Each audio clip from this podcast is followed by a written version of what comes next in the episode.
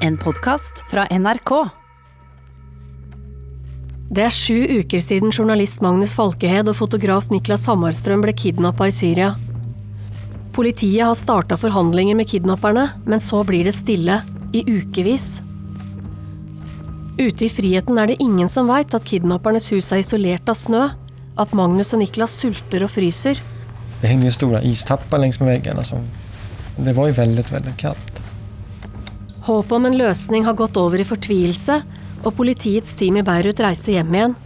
Så ringer telefonen Anna har fått av politiet. Polisen skulle inte ringa på julafton om det inte hade kommit upp något nytt. Erik Aasheim og jeg, Nina Stensrud Martin, vil finne ut hvem som kidnappa våre venner Niklas og Magnus, og hvordan de overlevde. Dette er episode seks av Kidnappet.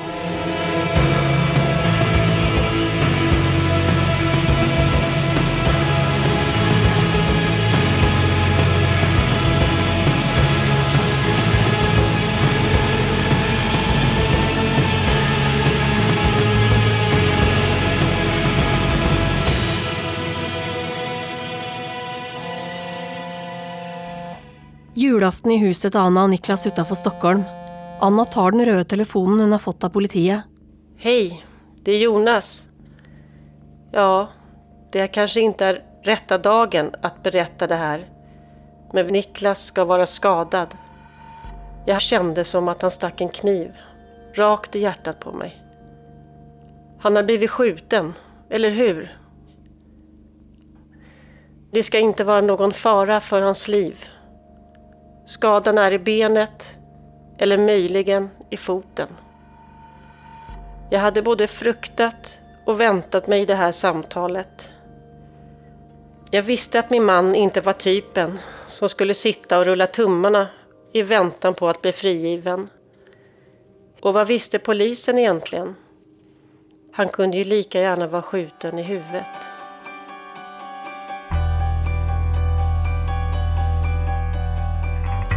Politiet har ikke bare dårlige nyheter. Kona til Magnus, Florence, leser fra sin dagbok. De svenska poliserna har rest tillbaka till Beirut trots att de skulle ha varit kvar i Stockholm. Polisen Jonas, han är också i Beirut. Hela laget har rest tillbaka. Politiet hadde vel ikke dratt tilbake til Beirut midt i jula om ikke forhandlingene er i gang igjen? Magnus og Niklas har ingen anelse om at noe er i ferd med å skje. Nu är vi rätt säkra på att eh, förhandlarna har åkt hem till jul och sitter hemma och äter sina julbord med korvar och pölsar. Polititeamet har igjen fått låne kontoret til den svenske ambassadøren Niklas Kebon. Sjøl er han hjemme i leiligheten sin da det smeller. Och så såg jag en rökpelare som stiger upp. Så man eh, vet då att det där, det där var en rätt stor bomb. Bara några sekunder tog det mig att komma på att det där är ju inte långt från ambassaden. Ambassadøren frykter det verste når han ser den store røykskyen velte opp fra der den svenske ambassaden ligger. Så jag slängde in på telefonen och fick en medarbetare på tråden som låg på golvet i i ett rökfullt rum och kunde berätta att det hade smält en bomb. Och det var tillräckligt eh, kraftig explosion för att blåsa ut alla rutor i vårt kontor. Men det var en bomb som hade eh, placerats alldeles utanför vårt kontor. Bomba var placerad rätt utanför ambassaden. De ansatte blir kastade flera meter in i lokalet. Vinduene er blåst in och takplatene hänger, men de har överlevt. Men hva med Jonas og de andre politifolka? De hade just lämnat frukostmatsalen där också fönsterrutorna hade blivit inblåsta och gått ner i lobbyn och precis på väg att gå över till ambassaden. Det er rein flaks som gjør at ikke hele forhandlingsteamet til politiet blir drept, og at redningsoperasjonen stopper. En som ikke er like heldig, er målet for attentatet. Tidligere finansminister i Libanon Mohammed Shattah. Han kjører forbi, og bomba sprenges. Det här var ju en mycket god vän som vi träffade ofta, bra person. Det är klart att det skakade om oss alla. Florence leser fra dagboka. En minister dödades igår av en bombattack. Hela Beirut är under hård bevakning. Tredje juledag, og den svenske ambassaden er rasert, og polititeamet står uten hovedkvarter. Men de har fått kontakt med kidnapperne igjen. Men forhandlingene skjærer seg fort. Så kidnapperne vil legge ekstra press på familiene, og da ringer de rett til Anna. Florence føler med henne. I kväll ville gisslantagarna avbryta förhandlingarna. Anna fick ta samtalet. Stackars henne. Jag blir allt mer orolig för dig, Magnus och Niklas.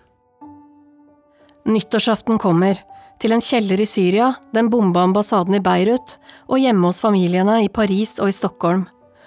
På Facebook skriver jeg og Erik Magnus, Niklas, vårt eneste ønske for det nye året er at dere kommer hjem.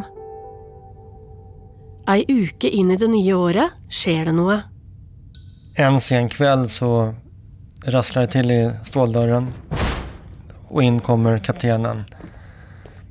Och han säger Du, följ med här. Och han säger Say goodbye. Och jag liksom tittar på Magnus. Magnus spør kidnapperne hva skal dere med Niklas? En av fångvaktarna då flinar sadistiskt. Med tummen gör sakta kring halsen. Tecknet på att vi ska skära halsen av honom. Men en av de andra gör som ett tecken med tummen och lillfingret ut. Liksom som ett flygplan lite sådär som hopp flyger upp. De tecknarna sitter jag med då. Ena skär halsen av den andra flyger hem. Niklas plasseres i en bil sammen med kapteinen og to andre kidnappere. Och jag känner mig jättenervös. Och jag vet inte hur lång den bilresan var. Det kanske var 20 minuter. Och om vi kommer fram till något gammalt industriområde. Det er flere hus på det nedlagte industriområdet de kommer fram til. Et av husene har et tårn. Och längst där uppe då så är det ett litet rum. Med glasrutor runt, runt om hela det här rummet. Och där inne ska jag då få sätta mig på sängen. Oppe i tårnrommet er det flere ukjente bevæpna krigere. Kapteinen setter pistolen sin i panna på Niklas. Jag trycker av så här, klick. Jag ser i ögonen också hur de andra som är i rummet, hur de tittar på honom med avsky och de andra killarna tar upp en telefon och visar mig ett eh, sms. Där det då står Niklas, det här är en vän från Sverige. Du ska göra exakt så de här männen ber dig att göra. Och då förstod jag att nu kanske jag får komma hem. En SMS från någon som vill han väl. Kan han stole på det? Så får Niklas beskjed om å gå og gjøre seg fin. De skulle tvinga mig att duscha. Så vi fick gå ner för den här trappan igen och in i något annat, annat hus. Eh, Där fick jag klä av mig och så gå in i ett duschrum och ta på mig nya kläder. Hemska kläder men i alla fall rena kläder jag fick på mig. Niklas plasseres i et rom der det er laget et sofahjørne av puter langs veggen. Och vi sitter i den här ja, kuddhörnan. Och kaptenen sätter sig bredvid mig. Och efter ett tag så lägger han sig ner med huvudet i mitt knä. Och jag visste inte vad jag skulle göra, om jag skulle låta honom ligga kvar i mitt knä eller om jag skulle ta en av alla, alla de, de vapen som stod i rummet och, och försöka skjuta honom och fly. Det var en jättekonstig, jättekonstig situation. Kapteinen ligger med hodet i fanget til Niklas en stund, før de andre krigerne kommer og tar med seg Niklas ut. Utafor står det to store landcruisere. Den andra bilen åker iväg först med tungt beväpnade män i. Försvinner i rasande fart eh, mellan bergen. Niklas plasseres i den andre bilen i baksetet sammen med en bevæpna kriger. Foran sitter kapteinen og en sjåfør. Solen börjar gå upp. Man såg de här bergen som tornar upp sig. Solstrålarna som bara liksom lös rakt in i mina ögon. Det kändes så himla skönt bara att få den här solen på sig. Niklas kjenner igjen veien og forstår at han er på vei mot grensa. De nærmer seg veisperring som tilhører IS. IS hade en vägspärr. Och jag frågade men, men IS, äh, de sover, de sover.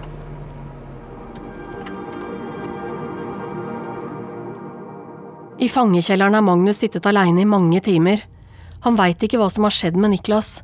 Har de drept han, eller er han på vei ut av landet? Tiden går och går och går.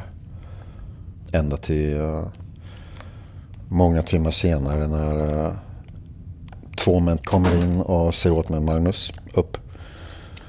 Och eh, då för mig ut till en bil. Och gömmer mig som vanligt på baksätet. Vi kör tills vi kommer till en sorts farm.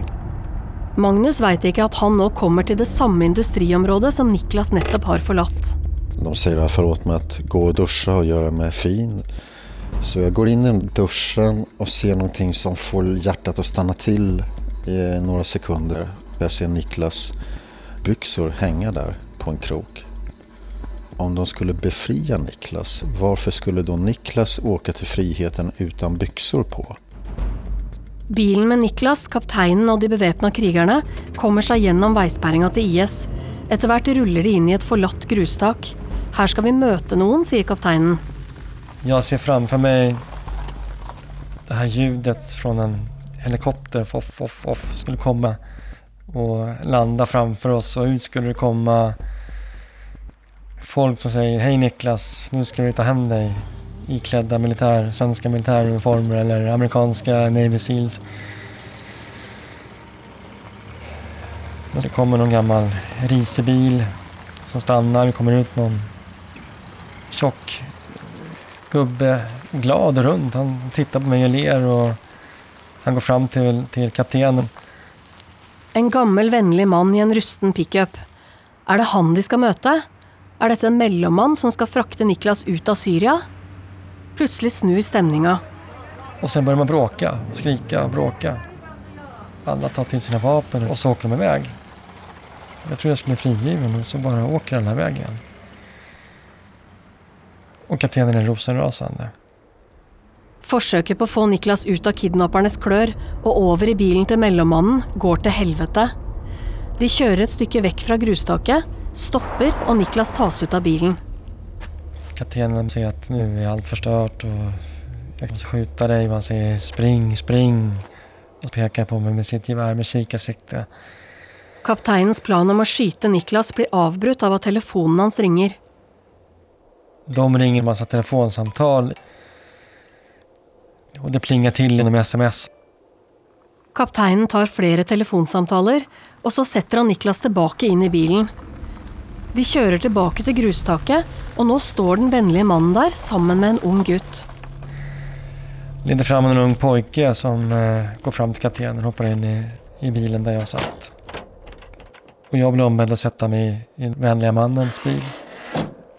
Niklas og gutten bytter plass. Gutten sitter nå i kidnappernes bil, og Niklas i bilen til den vennlige mannen. Kaptenen kommer fram till mig och säger att eh, Förstår du vad han har gjort? Nej, jag förstår ingenting, sa jag. Han har bytt dig mot sin son.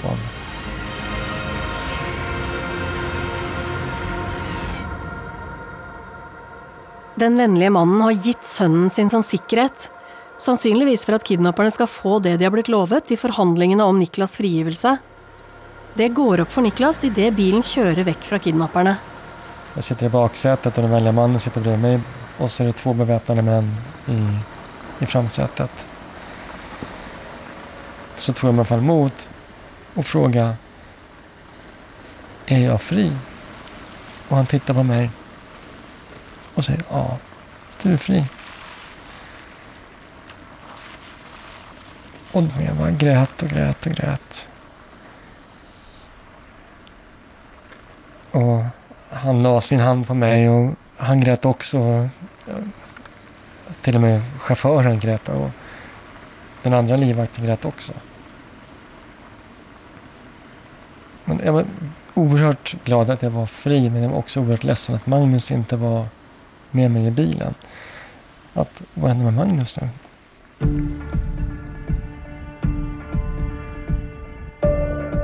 Magnus har kommit ut av duschen där buksene till Niklas hänger. Nå er han plassert i rommet med sofahjørne og puter. Og der blir han sittende. Timmarna går och jag börjar inse att eh, jag kanske bara är helt kvar här ensam.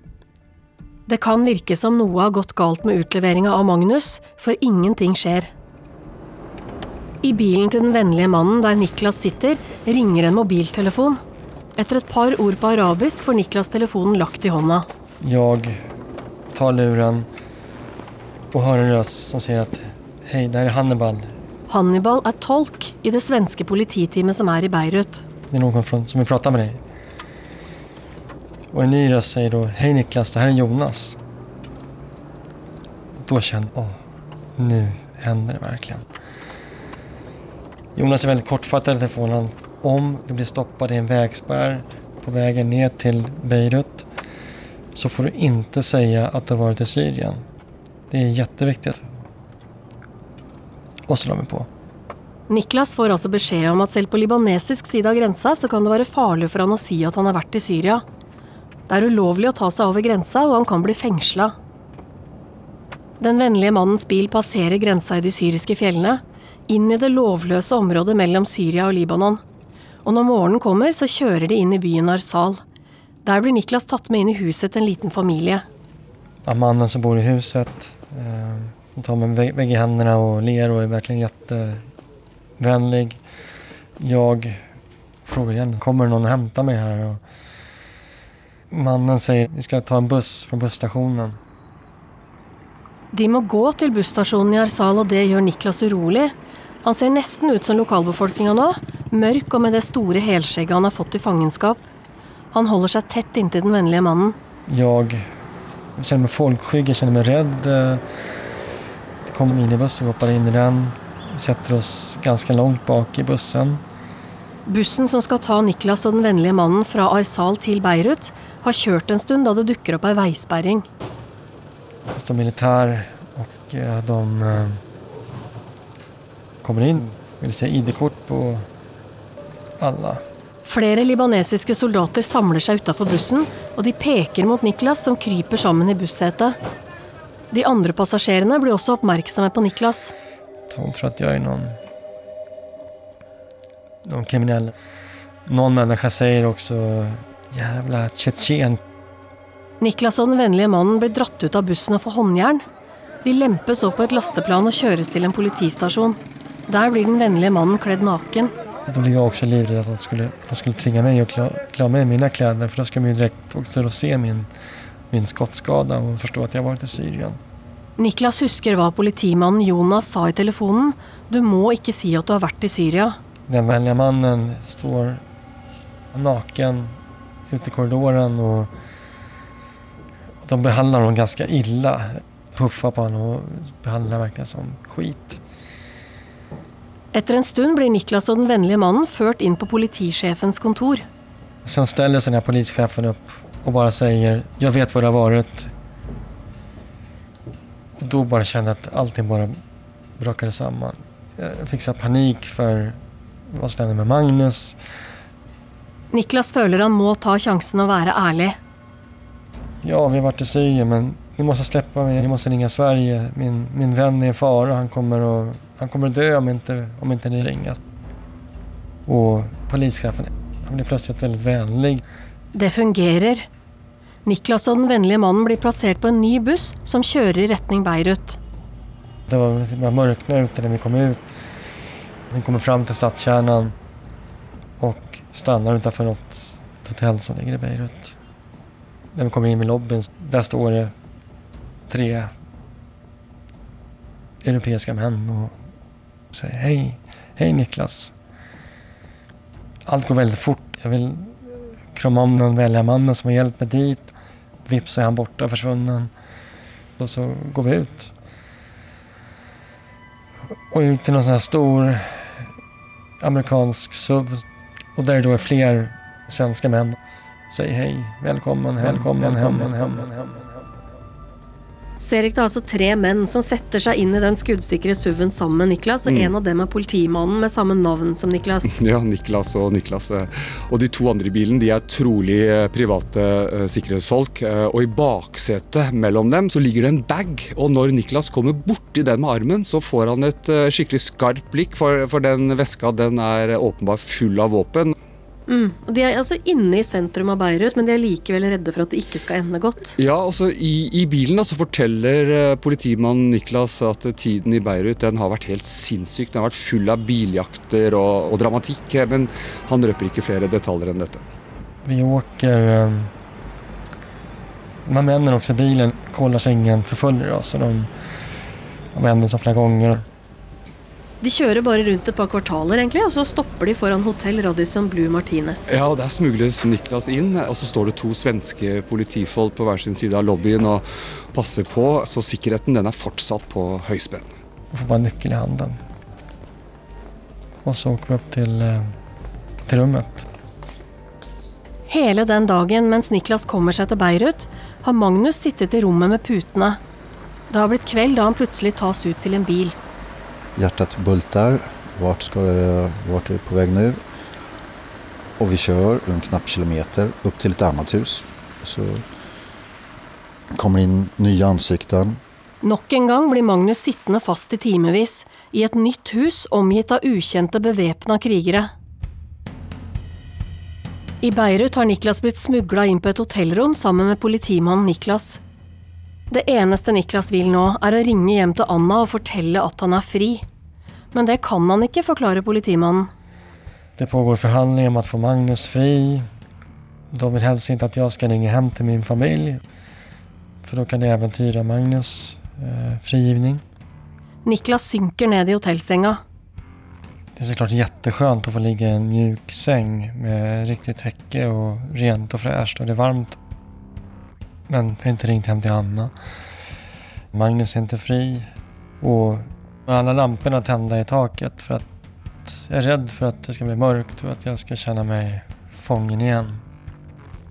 Mens Niklas ligger i hotellsenga i Beirut med alt lyset på, får Magnus beskjed om å legge seg for å sove i huset han er fanga i, på den syriske siden av grensa. Senare i natten vaknar jag av skottlossning. Krigarna börjar rafsa åt sig sina vapen, springa ut. En blir för att vakta mig. Jag får reda på att nu är det Hizbollah som är utanför huset och börjar skjuta i natten. Jag, tänkte, vad sjutton, nej, det här får inte gå fel. Den libanesiske Hizbollah-militsen kjemper på Bashar al-Assads side i krigen i Syria, och nu har de gått till angrep på krigerne som håller Magnus fanga. Vad sjutton kommer hända nu om Hizbollah stormar in här? Kommer Hizbollah-soldaterna skjuta mig? Kommer mina gisslantagare skjuta mig? Nu får det inte gå fel, jag skulle ju hem. Kampene bølger fram och tillbaka hela natten rätt utanför huset. Før soloppgang blir en Hizbollah-leder skutt, och då trekker de sig tillbaka. De slitne krigerne sovner i rummet där Magnus sitter. Så hører han noe. Det är jag som får väck, sparka till någon. Det, det är någon här. Och då vaknar de upp med ett ryck och han gör snabbt tecken åt mig att gömma mig under filten. Öppnar dörren.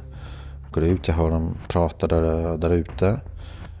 Den ene kidnapperen står utenfor huset og snakker med en mann. Så kommer han inn igjen og setter seg ned ved siden av Magnus. Men jag frågar honom, vad är det som händer? Vad, eh, ska vi hem nu? Nej, det ska vi inte. Är det något som har gått fel? Eh, Ja. Jag ser bister och sammanbiten ut och säger han att nej men, ja, jag måste döda dig. Kidnapperen virker helt oppriktig. Magnus må dø. Han såg tydligt bekymrad ut över att han måste döda mig. Magnus begynner å forhandle med kidnapperen om livet sitt. Jag säger att ja, men, samtalet jag hade igår med Jonas, han, han sa att allting var på väg att det skulle lösa sig. Ja, du kan skjuta mig, du kan döda mig. Men prata med svenskarna först. Ett samtal med dem bara, för jag är säker på att det, det här är bara någonting som har gått fel. På hotellrommet i Beirut veit ikke Niklas noe om det dramaet Magnus er midt oppi. Jag hade duschat mig och fått bort all den här smutsen, det här äckliga onda från Syrien. Det var, som, det var skägget som var kvar att ta bort. Jag ville komma hem till min familj så som jag såg ut när jag åkte iväg till Syrien. Niklas får låne barbermaskinen til ambassadør Kebon. Jag var Niklas igen. Jag var som starkare när jag fick av mig skägget kände jag också att psyket blev bättre, allting blev bättre. I Syria veit ikke Magnus om han har klart å overtale kidnapperen til å ringe Sverige en gang til istedenfor å skyte han, men kidnapperen går ut av huset en stund. Så kommer han tilbake og tar Magnus med ut i grålysningen. Jag får gå ut på en tom åker. och pekar lite åt det hållet. Magnus får beskjed om å gå over åkeren utenfor huset.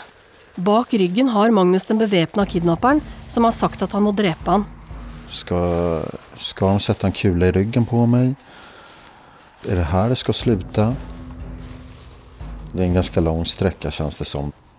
Men uh, inget skott kommer. På den andre sida av åkeren føres Magnus inn i bygningen med tårn, der Niklas satt dagen før. Nok en gang får han en mobiltelefon lagt i hånda. Nu ska du skriva ett sms till polis-Jonas här.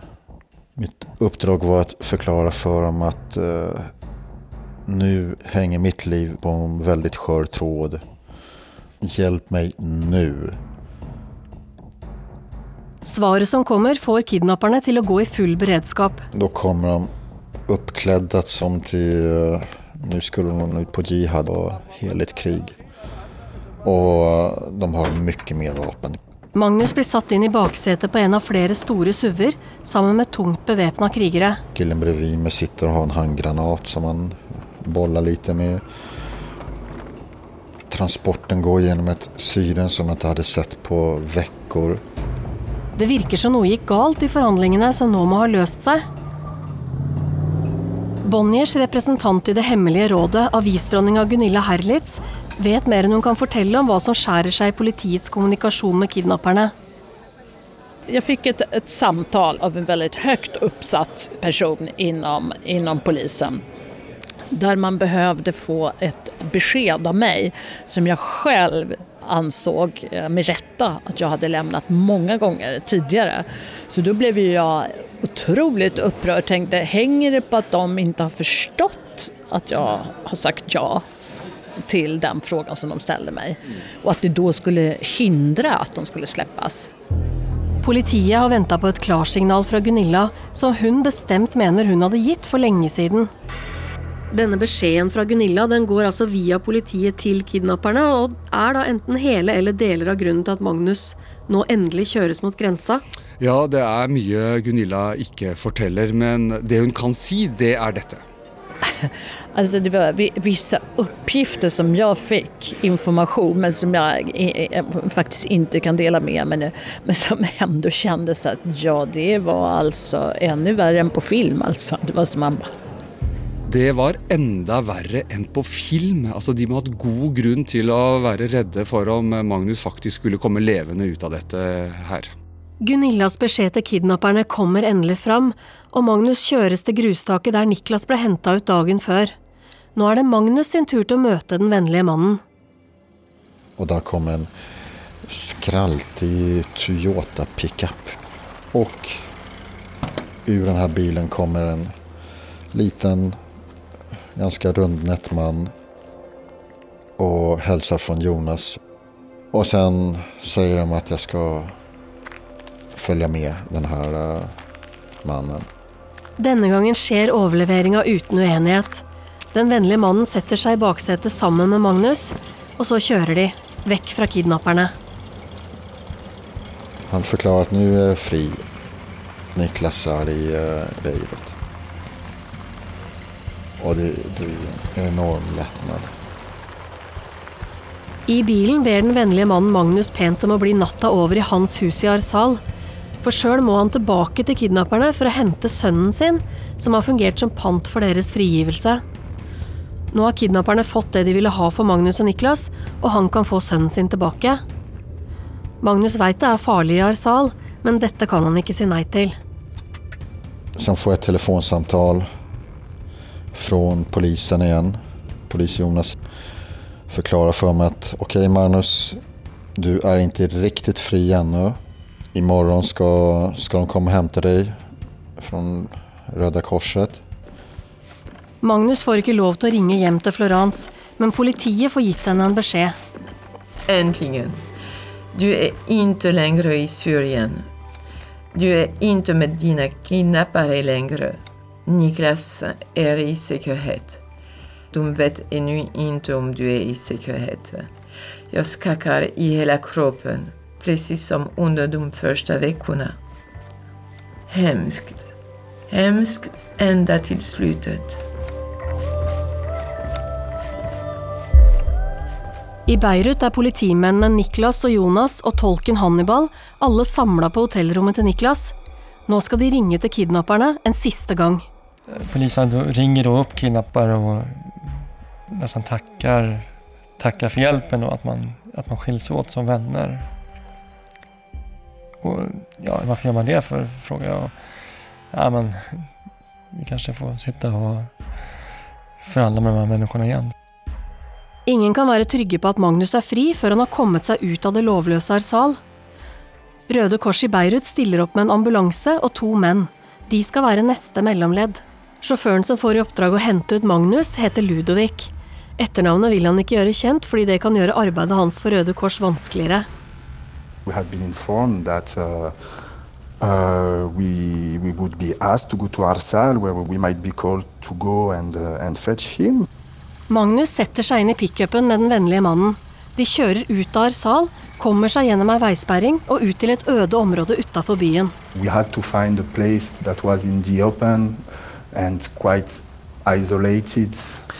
And then uh, a pickup came with Magnus inside. Och där står det en bil parkerad på vägen. Magnus tar raskt farvel med den vennlige mannen. Han virker glad, som om han har fått noe ut av rollen som mellommann, og samtidig gjort noe bra. They came driving and uh, they stopped their car next to ours and uh, they immediately left the car and came to us. He was, yeah, uh, coming to me, smiling. I remember that he was thin due to what he, he went through. Magnus hopper inn i ambulansen fra Røde Kors, der Ludovic sitter bak rattet. Jag vill verkligen iväg snabbt här. De känner sig inte alls bekväma med att vara där de är. It was a bit of stress up until he was with us in the car and up until we left uh, the area. We spent two hours together in the car.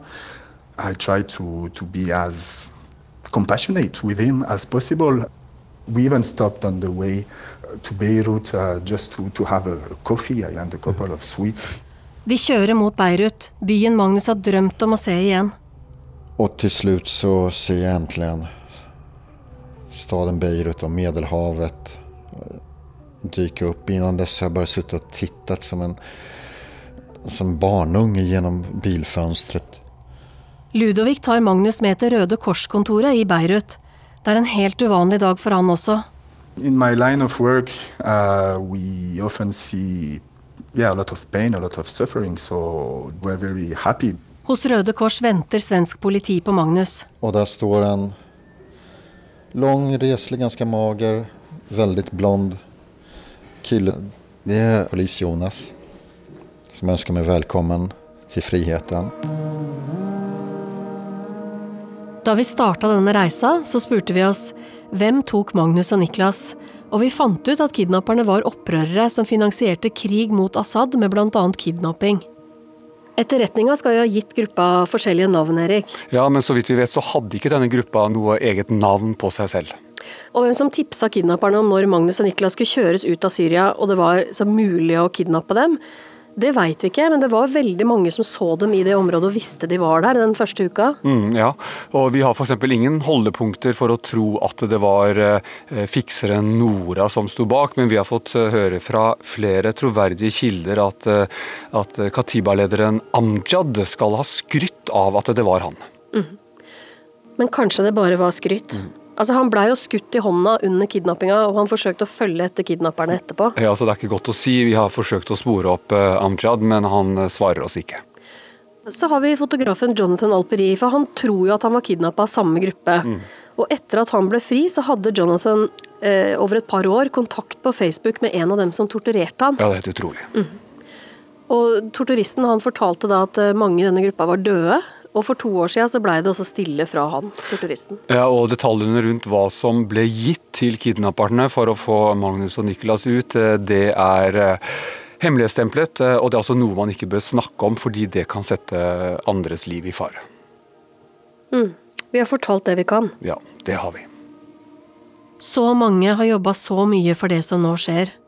Politimannen Jonas gir telefonen sin til Magnus, og han trykker den mot øret och hör plötsligt mina döttrar vråla. Jag hör Florence tjuta i bakgrunden. Alla tjuts och vrålas.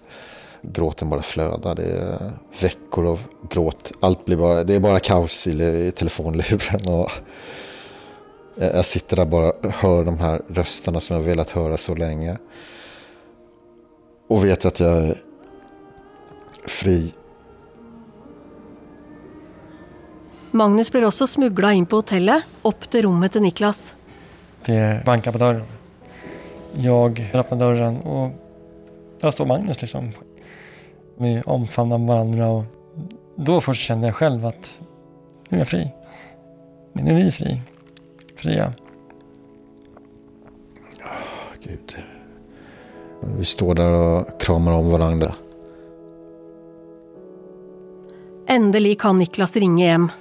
Jag, är otroligt nervös för att slå numret till Anna.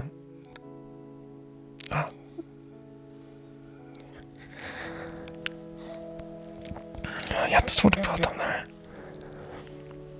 Ah, det går fram någon signal, telefonen. Jag var helt tyst.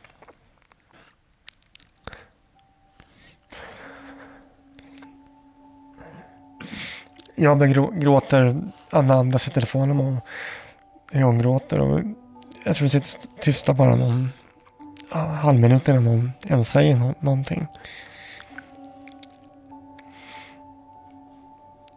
Och sen, ja, hände fram och egentligen bara, jag är fri, jag älskar er. Och,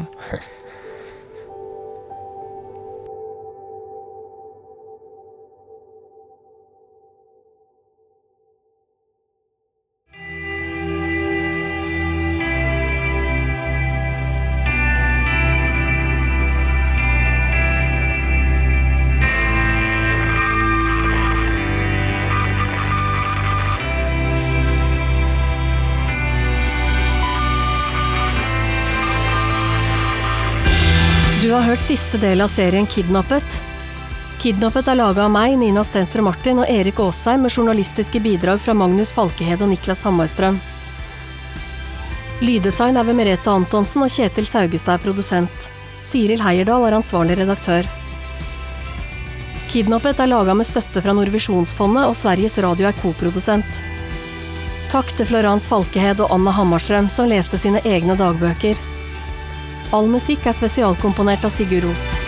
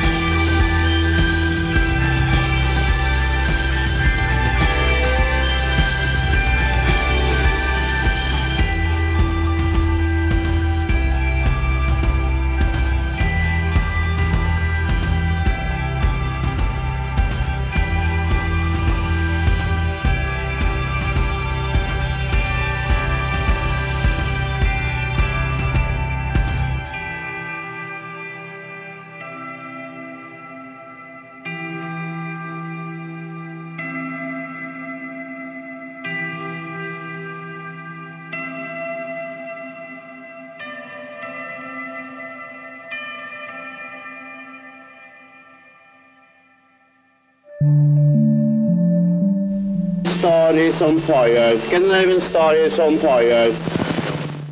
Hei, jeg heter Kjetil Saugestad.